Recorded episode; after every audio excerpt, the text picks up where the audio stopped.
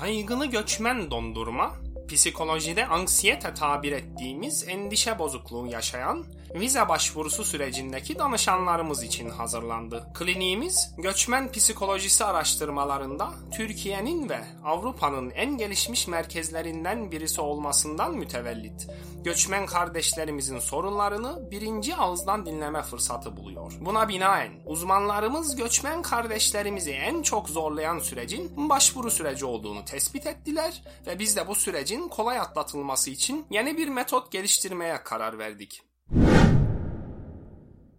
Kaygılı göçmen dondurma tekniğinde danışanlarımızı başvuru sürecinden evvel vekalet alarak genel anesteziyle uyutuyoruz ve vize işlemlerini hukuk ekibimize devredip danışanı vize işlemleri sonuçlanana kadar kliniğimizde uyur vaziyette ağırlıyoruz.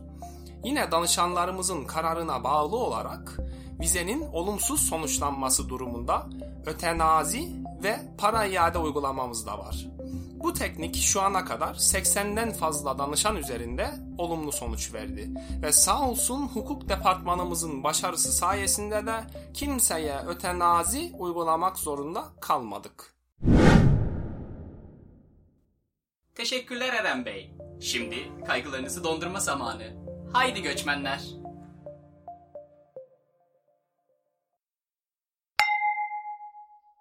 Evet, iş arkadaşlarına ne kadar uyumsuz, ne kadar aksi, nalet bir insan olduğunu senden dinledik. Aksi Onun nalet haricinde- değil ya. Çok omurilikten iletişim kuruyorum dedim. Yani mesela onlara sorsan bu soruyu muhtemelen aynı cevabı vermezler. Çok Aa, Berk robotik. çok iyi ya.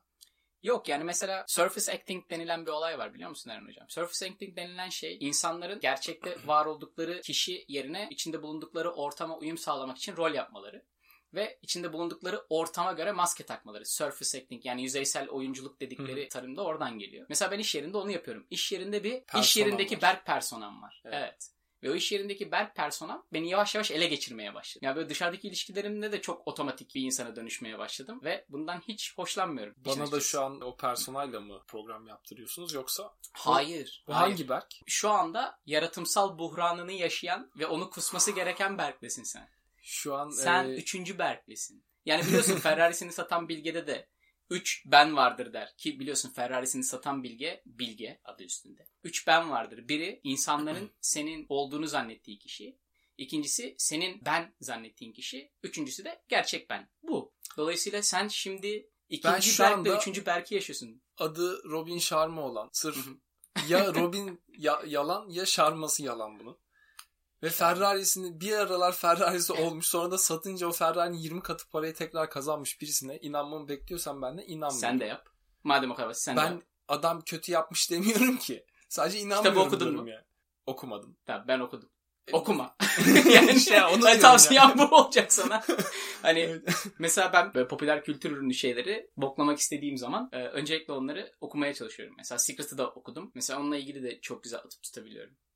Yani böyle şeyler biraz zaman kaybı değil mi ya? Bazı şeylerin kötü olduğunu anlamak için illa zaman harcamana gerek yok bence. Evet ama başarılı bir troll öncelikle cephanesini değişik silahlarla donatmalı ki karşı tarafı şaşırtabilsin. Ama kiminle şimdi muhatap olduğuna da alakalı değil mi? Şimdi Robin Sharma fanı insanlarla bir aradaysan Ya sürekli, sürekli bunu sen yap. Robin Sharma, Robin Sharma, Robin Sharma deyince benim aklıma böyle kavurmanın İngilizcesi gelip duruyor. Şavarma. Özür dilerim konsantre olamıyorum yani. Yanlış mı hatırlıyorum? Hepimizin Robin Sharma değil miydi? Evet Robin Sharma doğru. Bak okumadığım kitabın yazarını hatırlıyorum. Bence beni tebrik etmelisin. Evet abi. işte- evet. Her neyse. Tebrikler. Özür dilerim. Peki iş arkadaşlarına daha sonra Hı. arkadaşın olmayan ve iş yerinde bulunan insanlarla olan Hı ilişkini seninle biraz irdeledik Berksan. Evet. Peki üst alt ilişkilerin yani Şu üstte misin siz altta mısın? görmüyorsunuz ama Eren mesela sorusunu sorarken güç üçgeni kuruyor. Neden? Çünkü birleştiriyorum. evet çünkü benim reptilyen bağlarımdan yararlanarak Illuminati olmaya çalışıyor. Illuminati özentisi. Ama ben ona anlattım. Önce Rotarak sonra Rotaryan gibi böyle basit şeylerden başlaman lazım. Sonra Mason sonra Illuminati. Sonra da reptilyan mı oluyorsun? Reptilyen olamıyorsun. Ha, işte ben de onu. Evet, Reptilyan reptilyan- doğuştan Reptil- gelen şey. evet. O yüzden Evet. oraya kadar yükselemiyorsun. Evet, Maalesef. o derinin içerisine doğmuş olman gerekiyor Evet. tahmin. Bir de bir- Türkiye'den de birisi vardı ya en son. Reptilyen mi? Ha. Oldu oldu. Hiç haberim olmadı. Ne bileyim İmamoğlu'na falan çakmış olabilirler. Ama neyse önemi yok. Konumuzla hiçbir alakası yok. Ben tekrar güç üçgenimi kurarak sana soruyu soruyorum. Arkadaşın olmayan iş insanlarıyla olan ilişkinin ne kadar sorunlu olduğunu senden tane tane dinledik. Şimdi de senin e, üstlerinle çünkü altında kimse yok. soruyu soramıyorum. Üstlerinle olan ilişkini öğrenebilir miyim? E, bu konuda herhangi bir hayal kırıklığı yaşadın mı? Yönetim şekli olabilir. İşte ne bileyim sevmediğin pozisyonda çalıştırmışlardır seni. Kırbaç vardır falan bir şeyler. Hmm. Anladım. Ya üstlerimle olan ilişkim böyle bir cinsel gerilim gibi adeta. Bıçak sırtı bir durum. Yani iki tarafında o cinsel gerilimi alınmadığı mühletçe o cinsel gerilim böyle gitgide artar artar artar artar ve bir şekilde kopar ya. Daha çok Ee, e, şu anda bizim artışın bizim- artık tepe noktasında. blue balls tabir ettiğimiz. Evet ve kopacak. Ee, Evet. o kopuşun nasıl yaşanacağını da aşağı yukarı biliyoruz. Şimdi bunları anlatmanın bir anlamı yok. Bu benim çok özelimde yaşadığım bir şey. Bunu genele vurabilelim ki dinleyici de anlasın. Demeye çalıştığım şey şu. Biz Türkiye'de çoğumuz İş e, yerinde Türk sevişiyorduk. Burada sevişemiyoruz. Evet ama ama esasen etrafımızda çalıştığımız insanlar Türk patronlarımız Türk patronlarımızın patronu Türk bıdı bıdı bıdı. Evet yani hani gene Türkiye'nin farklı yerlerinden gelen farklı kültürlerden gelen insanlarla falan çalışıyorsun. Şüphesiz bir çeşitlilik var ama ülkeler arası çeşitlilik çok farklı bir şey. Yani mesela benim patronum Çinli ve bunu belirtmemin sebebi şu. Hakikaten Çinli bir patronla çalışmanın ne kadar zor olduğunu ancak bunu yaşayan bilir. Ve bu tamamen kültürel bir farktan kaynaklı. Sene olmuş 2019 inanılmaz garip şeylere takılıyorlar. Mesela sizin İngilizcesi throughput olan herhalde Türkçesi çıktı olabilir. İş yaptıktan sonra ortaya koyduğunuz çıktıya değil daha ziyade sabah kaçta işe geldiniz? Akşam tam saatine kadar kaldınız mı? Ne kadar fazla mesaiye kaldınız? Verilen fazladan görevleri yapıyor musunuz? Güzel. Bu takdiri gerektirmiyor. Normalde yapmanız gereken işleri yapıyor musunuz? Güzel. Bu takdiri gerektirmiyor. Şuradaki incik cincik işi kaçırmış mısınız? Evet kaçırmışsınız. Bu kamçı gerektiriyor. Sıkış. Yani durum böyle. Mesela Çinli patron çalıştığımız zaman. Ee, İngilizlerle çalıştığımız zaman. İngilizler tam tersi. Yani en azından benim denk geldiğim İngilizler bugüne kadar tam tersi. Çok daha kafaları rahat. İşin çıktısına bakıyorlar. Sen işini yaptığın sürece geldiğin saate, çıktığın saate çok fazla bakmıyorlar. Ee, Dolayısıyla kimle çalıştığına göre burada e, beynelminel bir yerde yaşadığımız için artısı da var, eksisi de var. Tamam piyango.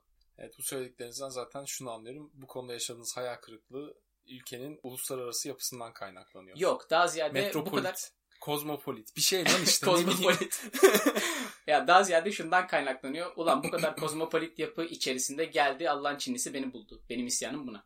Aa bir de ırkçılık yedirdi buna. Evet faşist şaka. Peki e, hayata dair sorgulamalarınız, mühendislikteki başarısızlık hissi ve ücretler bunların hepsini harmanladığım zaman ortaya şöyle bir soru çıkıyor. Ulan İngiltere'de mühendislik yapacağım ama muslukçu olsaydım daha de- dediğiniz oluyor mu? Ki muslukçulara bile engineer denen bir ülke yani. Evet o kadar çok oluyor ki şu an resmen derdime derman, haleti ruhiyeme sözcü oldun. Çok teşekkür ederim. Hakikaten öyle. Keşke muslukçu olsaydım. Çünkü burada muslukçular hem inanılmaz para kazanıyorlar hem çok kaprisler. Neden? Çünkü azlar. Ve bizden daha kıymetliler. Oğlum senden daha az olamazlar yani mantıken. Ne anlamda? Yani büyük ihtimalle işte teyipçi mühendis İngiltere'de herhalde 5-10 Ha tane teyipçi falan. mühendis olarak değil. Ama mühendislerle kıyasladığın zaman ve dediğin gibi onlara da burada mühendis deniyor. Evet keşke muslukçu olaydım. Tesisatçı olaydım. Çatalımı yani. gösterip hayatıma devam etmeyi çok isterdim diyorsun. Evet ve bu klişe gerçekten burada da hayat buluyor. Peki çatalın uygun mu? Değil ya benim çatalım. Göz kanatır. Çok iğrenç. Ne anlamda yani? Hani ben hep diyorum ya böyle biz safaradız işte Evet. e, filan. Ha. Kıçım tamamen Türk. Abi ben de Türk'üm ve Türk kıçı hakkında çok kötü bir fikrim yok yani. Benimki iyi. Fena değil yani. Senin deden muhacirdir. Nasıl oluyor Türk kıçı? İşte tarif etmek istemiyorum. Ben aklımda Onu ben bir gün muslukçu Sen olursam sen screenshot alırsın paylaşırız.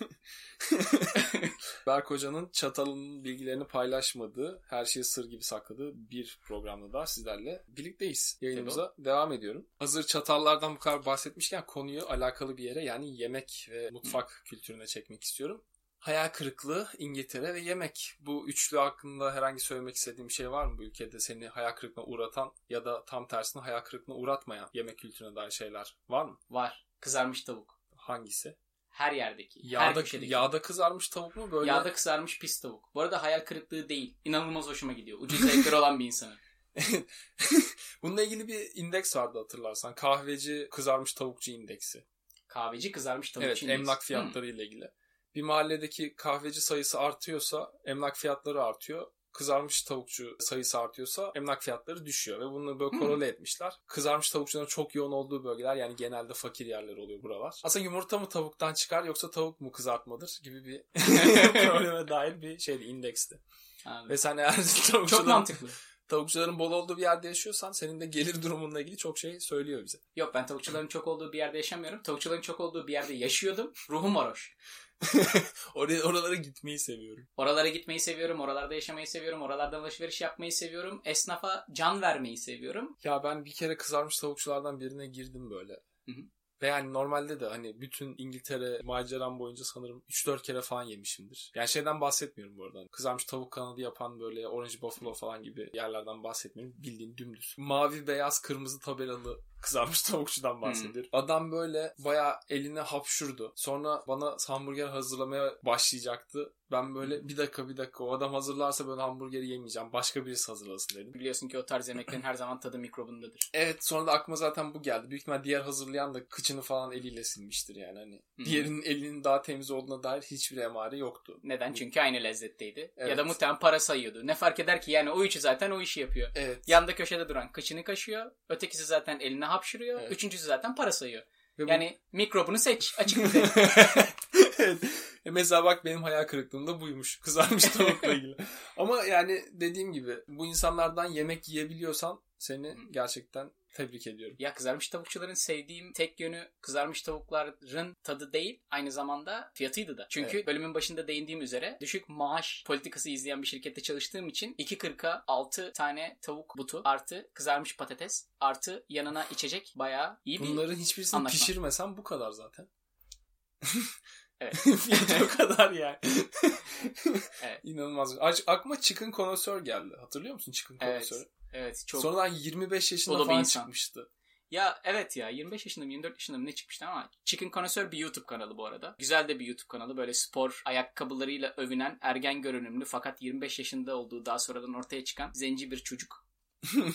Evet Öyle. böyle çok ucuz kızarmış tavukçulara gidip onları puanlıyor ve bunu Londra'nın her yerinde yapıyor ve aşırı komik bir çocuktu. Sen de bir nevi Chicken Connoisseur olmuşsun aslında. Yok ben ilk yaşadığım yerde direkt evime gitmeden önce sokağın karşısında geçtiğim zaman kızarmış tavuk direkt alabiliyordum. Onun için yoksa ben diğer kızarmış tavukçuları denemedim. Yani hala bugün kızarmış tavuk yemem gerekirse yola 5 pound verip 2.40 pound'a oradaki kızarmış tavuğu yiyip yeniden 5 pound'a evime geri dönüyorum. Ama işte yine de kardasın yani. Gidip Londra'da bir akşam yemeği yeseydin 20 pound'dan aşağı veremeyecektin. Tabii canım keriz gibi bir tane füzyon order ve 12 pound vereceğime orada ne güzel hem geziyorum metromda firavun faresi gibi fıtı fıtı fıtı yerden ondan sonra yukarı çıkıyorum kızarmış tavuğumu yiyorum halkın içinde ondan sonra fıtı fıtı geri dönüyorum.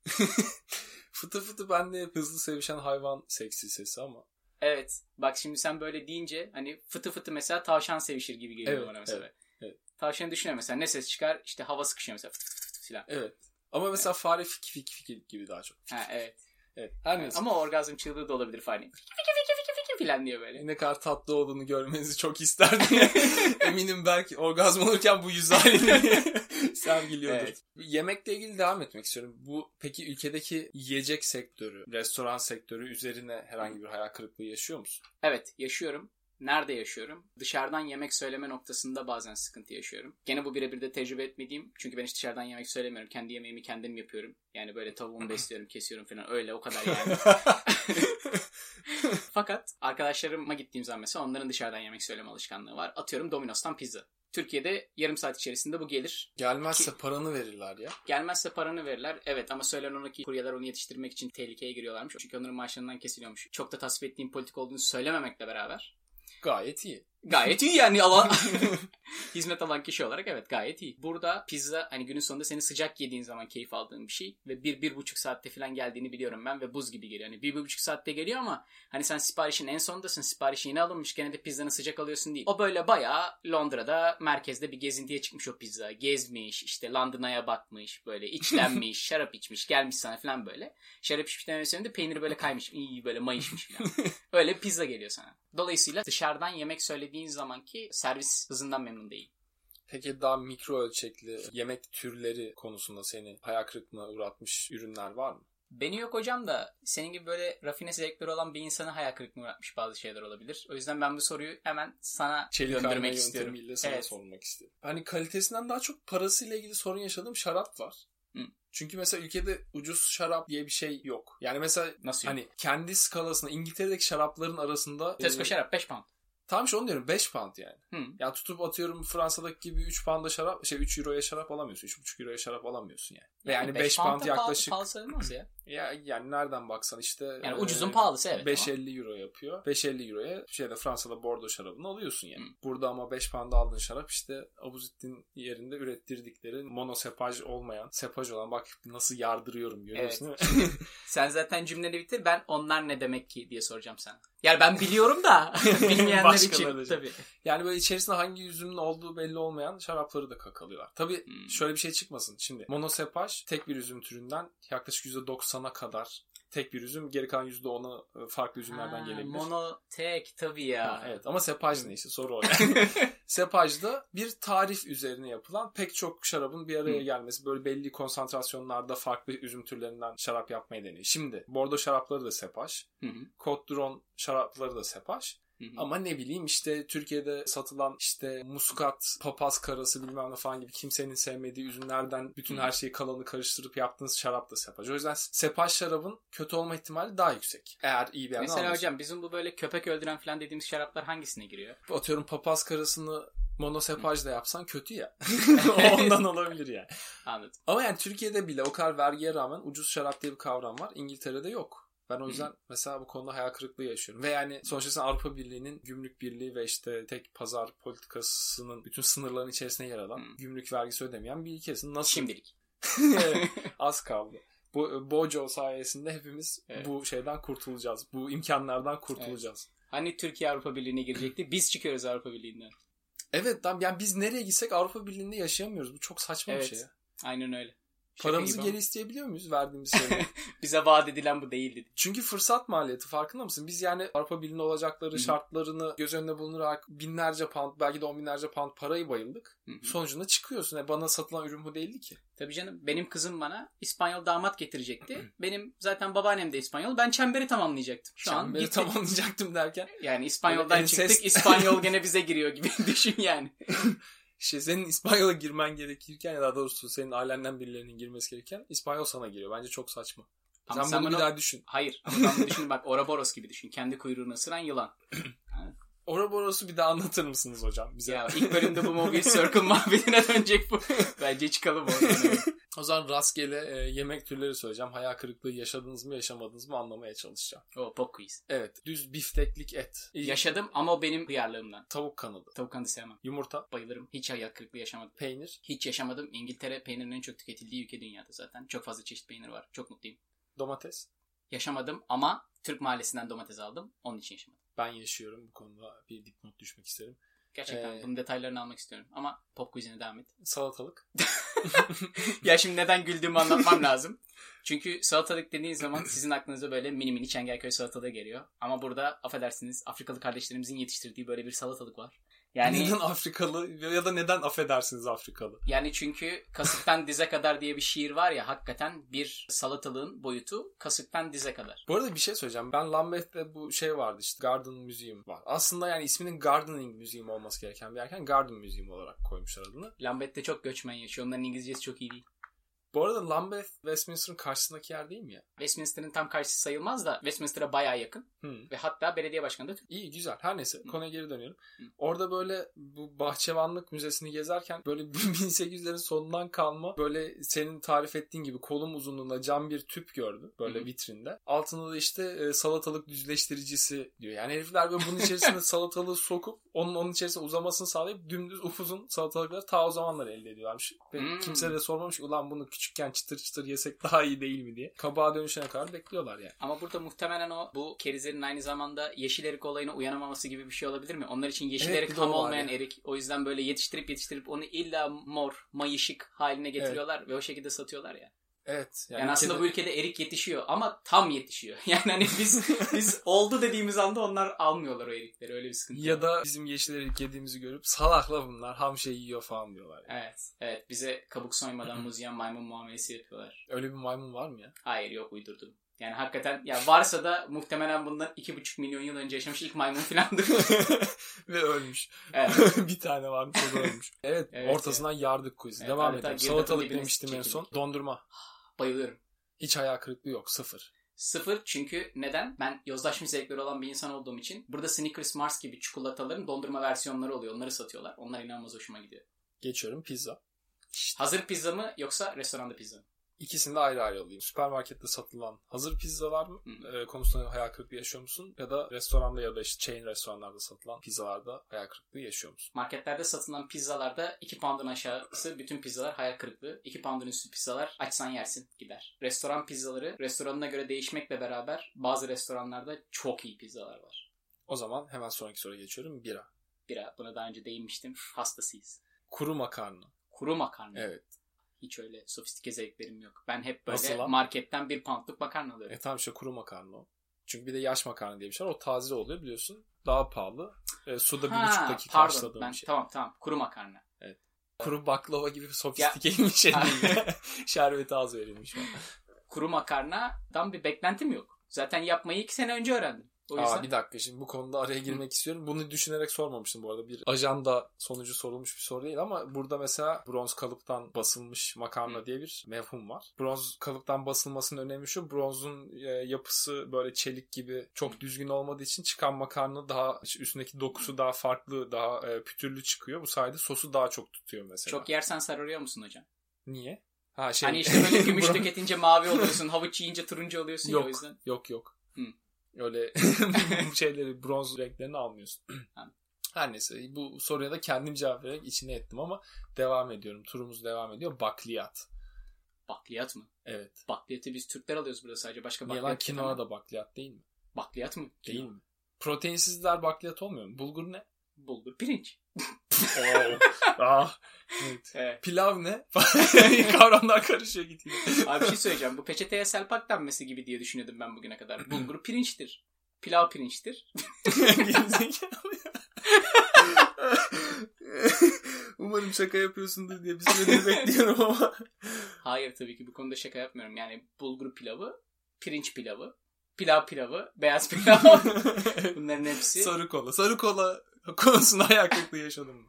sarı kola konusunda hayal kırıklığı yaşamadım. Ama çok enteresan bir hikayesi var sarı kolanın o yüzden kendisine saygı duyuyoruz. Ne lan ne enteresan hikayesi. İkinci Dünya Savaşı'ndan önce Almanya'da bir kola fabrikası kuruluyor. Bu Almanya'daki kola fabrikasının başına geçirilen adam İkinci Dünya Savaşı'nda Nazi Partisi'nin propagandaları ve aşırı siyasi baskısına rağmen kola fabrikasını kapatmıyor. Fakat harp halinde oldukları için kolanın gizli formülü var ya böyle 7 bileşenden oluşan. Onun iki Ulan tanesini vermiyorlar. sen nereden biliyorsun yani? Her yerde bulabilirsin. Herkes Aç biliyor internette bunları. oku. Yok gerçekten 7 bileşenden oluşuyor. 7 bileşenden iki tanesi Bir tanesi tarlada bu meyan köklerini toplarken araya karışan fare. Çünkü efsane Her şey göre olabilir. böyle. Her şey oluyor. Tabii ki başka şehir efsanelerine göre de kolanın formülü bilen 3 kişi var. 3'ü de ayrı uçakla seyahat eder biliyorsun. Ama neyse bunlar yalan ama şu kısmı gerçek. 7 tane bileşeni var. Bu 7 bileşenden 2 tanesini artık Almanya'ya göndermemeye başlıyorlar. Ve o da arta kalan 5 bileşenle sürekli ürün geliştirme yaparak kolayı elde etmeye çalışıyor. Fakat bir türlü başarılı olamıyor. Ondan sonra da onu portakal özüyle karıştırıp Fanta'yı icat ediyor. Zaten Fanta ismi de Fantazya'dan geliyor. Hadi ya. Evet. Bu beni şey etti böyle şoke eden gözlerimi açan bir hikaye oldu. Çok teşekkür ediyoruz. İlk defa anlattığınız herhangi bir şeye inanasım geldi. Hı hı. Ve bilgi dolu olduğuna kanaat getirdim. Mesela şu İlginç. anda bunu attıysam gene çok büyük bir özgüvenle anlattığım için gene inandın. Neden? Bu bir teknik. Ama bunu programdan sonra ben kontrol ederim ve bir sonraki Tabii, lütfen. programda tek zip olarak ya da tek zip de değil seni böyle direkt aşağılama şeklinde falan veririm yani. Tamam lütfen. Bu hani yemeğe kısıtladığım tek bir mikro konu ve senin hayal kırıklığı yaşayıp yaşamadığın konseptini biraz yaymak istiyorum. Çünkü Hı güzel gidiyor. Dolayısıyla çeşitli işte mal ve hizmetler olarak yayınımıza devam edeceğiz. İlki berber. Hala 5 sene oldu. Sen de ben de Türk berberine gidiyoruz. Neden? Çünkü ahenkle dans eden saçlarımız bir İranlıya emanet edilemeyecek kadar kıymetli. İngiliz. İngiliz'e emanet edemem çünkü abi ense natural yanlar 3 olsun üstlerle önleri ona göre ayarlanın İngilizcesini hala bilmiyorum. İranlıya nasıl söylüyorsun bunu? İranlıya ya benim ilk gittiğim berber İranlıydı o yüzden İranlı gömdüm. Şöyle yapıyordum. Onun İngilizcesi hiç yok. Benim az var. Dolayısıyla astığı manken posterleri vardı duvara. Ben işte bu kafayı istiyorum falan diyordum. Ama yani benim saçım dalgalı, adamın saçı düz. Adam ortaya ikisinin ortası bir şey çıkartabiliyordu böyle. O da İran'daki Ve... arkadaşlarının e, en sevdiği modeli yapıp. Ya yani hayır. Oradan işte ben böyle beğendiğim resmi ve saç modelini seçiyordum. Bu diyordum. This şeklinde. o da okey diyordu ve kesiyordu. Bir de benim berberin en sevdiğim hali sessiz olanıdır. Böyle çok muhabbet etmeyenindir. O adama ben iyi saç kestiği için değil İngilizcesi az olduğu ve konuşamadığı için gidiyordum. Gerçekten tam bir sosyopatsınız Berk Bey yani. İçe dönük diyelim sosyopat değil. Yani sen de biliyorsun ki dışarıda hiç konuşmam. Hep sessiz hep dinler. Evet. Böyle içten içe kendinle o adama karşı gıybet yapar. Ne kadar çocuğu değil mi? Aa evet tam bir diyor.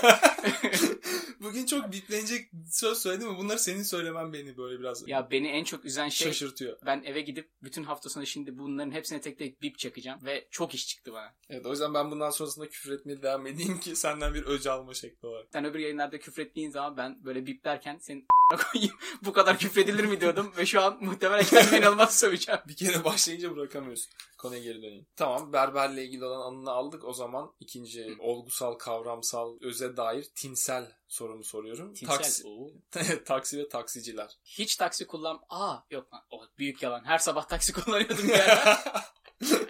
Ama yani Londra'da değil. O yüzden saymadım onu. O taksicilere dair bir gözlemim yok. Çok fazla muhatap olmuyorduk. Onlar daha ziyade okul servisi çeker gibi 4-5 kişi gidiyorduk. Uber çok kullandık. Uber şoförleri çok mülayim insanlar ya. Özellikle Londra'da olduğumuz için herhalde. Çünkü ben bir kere bir gece kulübünden dönerken affedersin istifra ettim. Arabanın içine değil. Daha beter. Keşke arabanın içine değdim. Araba hareket halindeyken kapıyı açıp araba kirlenmesin diye dışarıya istifra ettim. Ve o sırada Uber şoförü yanındaki arkadaşlara söyleyin kapıyı kapasın diyordu. Fakat ben o kadar sarhoşum ki zaten kulüpten kovulmuştuk ben çok sarhoş olduğum için. Ben o kadar sarhoştum ki şey diyordum arkadaşlar merak etmeyin ben adamın yan aynasından arkadan araba geliyor mu? Önde direk var mı? Onların hepsini görüyorum ona göre kapı açıyorum deyip kusmaya devam ediyordum. Evet şu an kelimeler kifayetsiz gerçekten. Evet böyle de ya o yüzden Uber şoförlerini burada gerçekten çok seviyorum. Sarı taksici değilim diyorsun çünkü sarı taksi yok. ya zaman... sarı taksi var ama onlar hep fake taksi.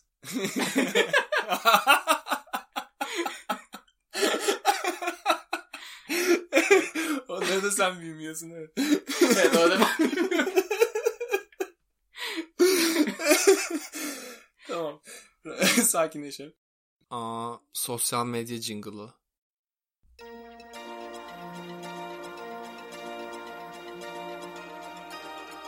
Hanımlar, nitelikli göçün niteliksiz yayını göç veren ayağınıza geldi. Bizlere Twitter, Instagram ve e-mail yoluyla ulaşabilir, dilek, istek ve şikayetlerinizi bildirebilirsiniz. Twitter adresimiz göçveren. Vay vay vay vay. Instagram adresimiz göçveren podcast. Oo. Ve e-mail adresimiz göçverenpodcast at gmail.com. Yeah. Bizlere ulaşın.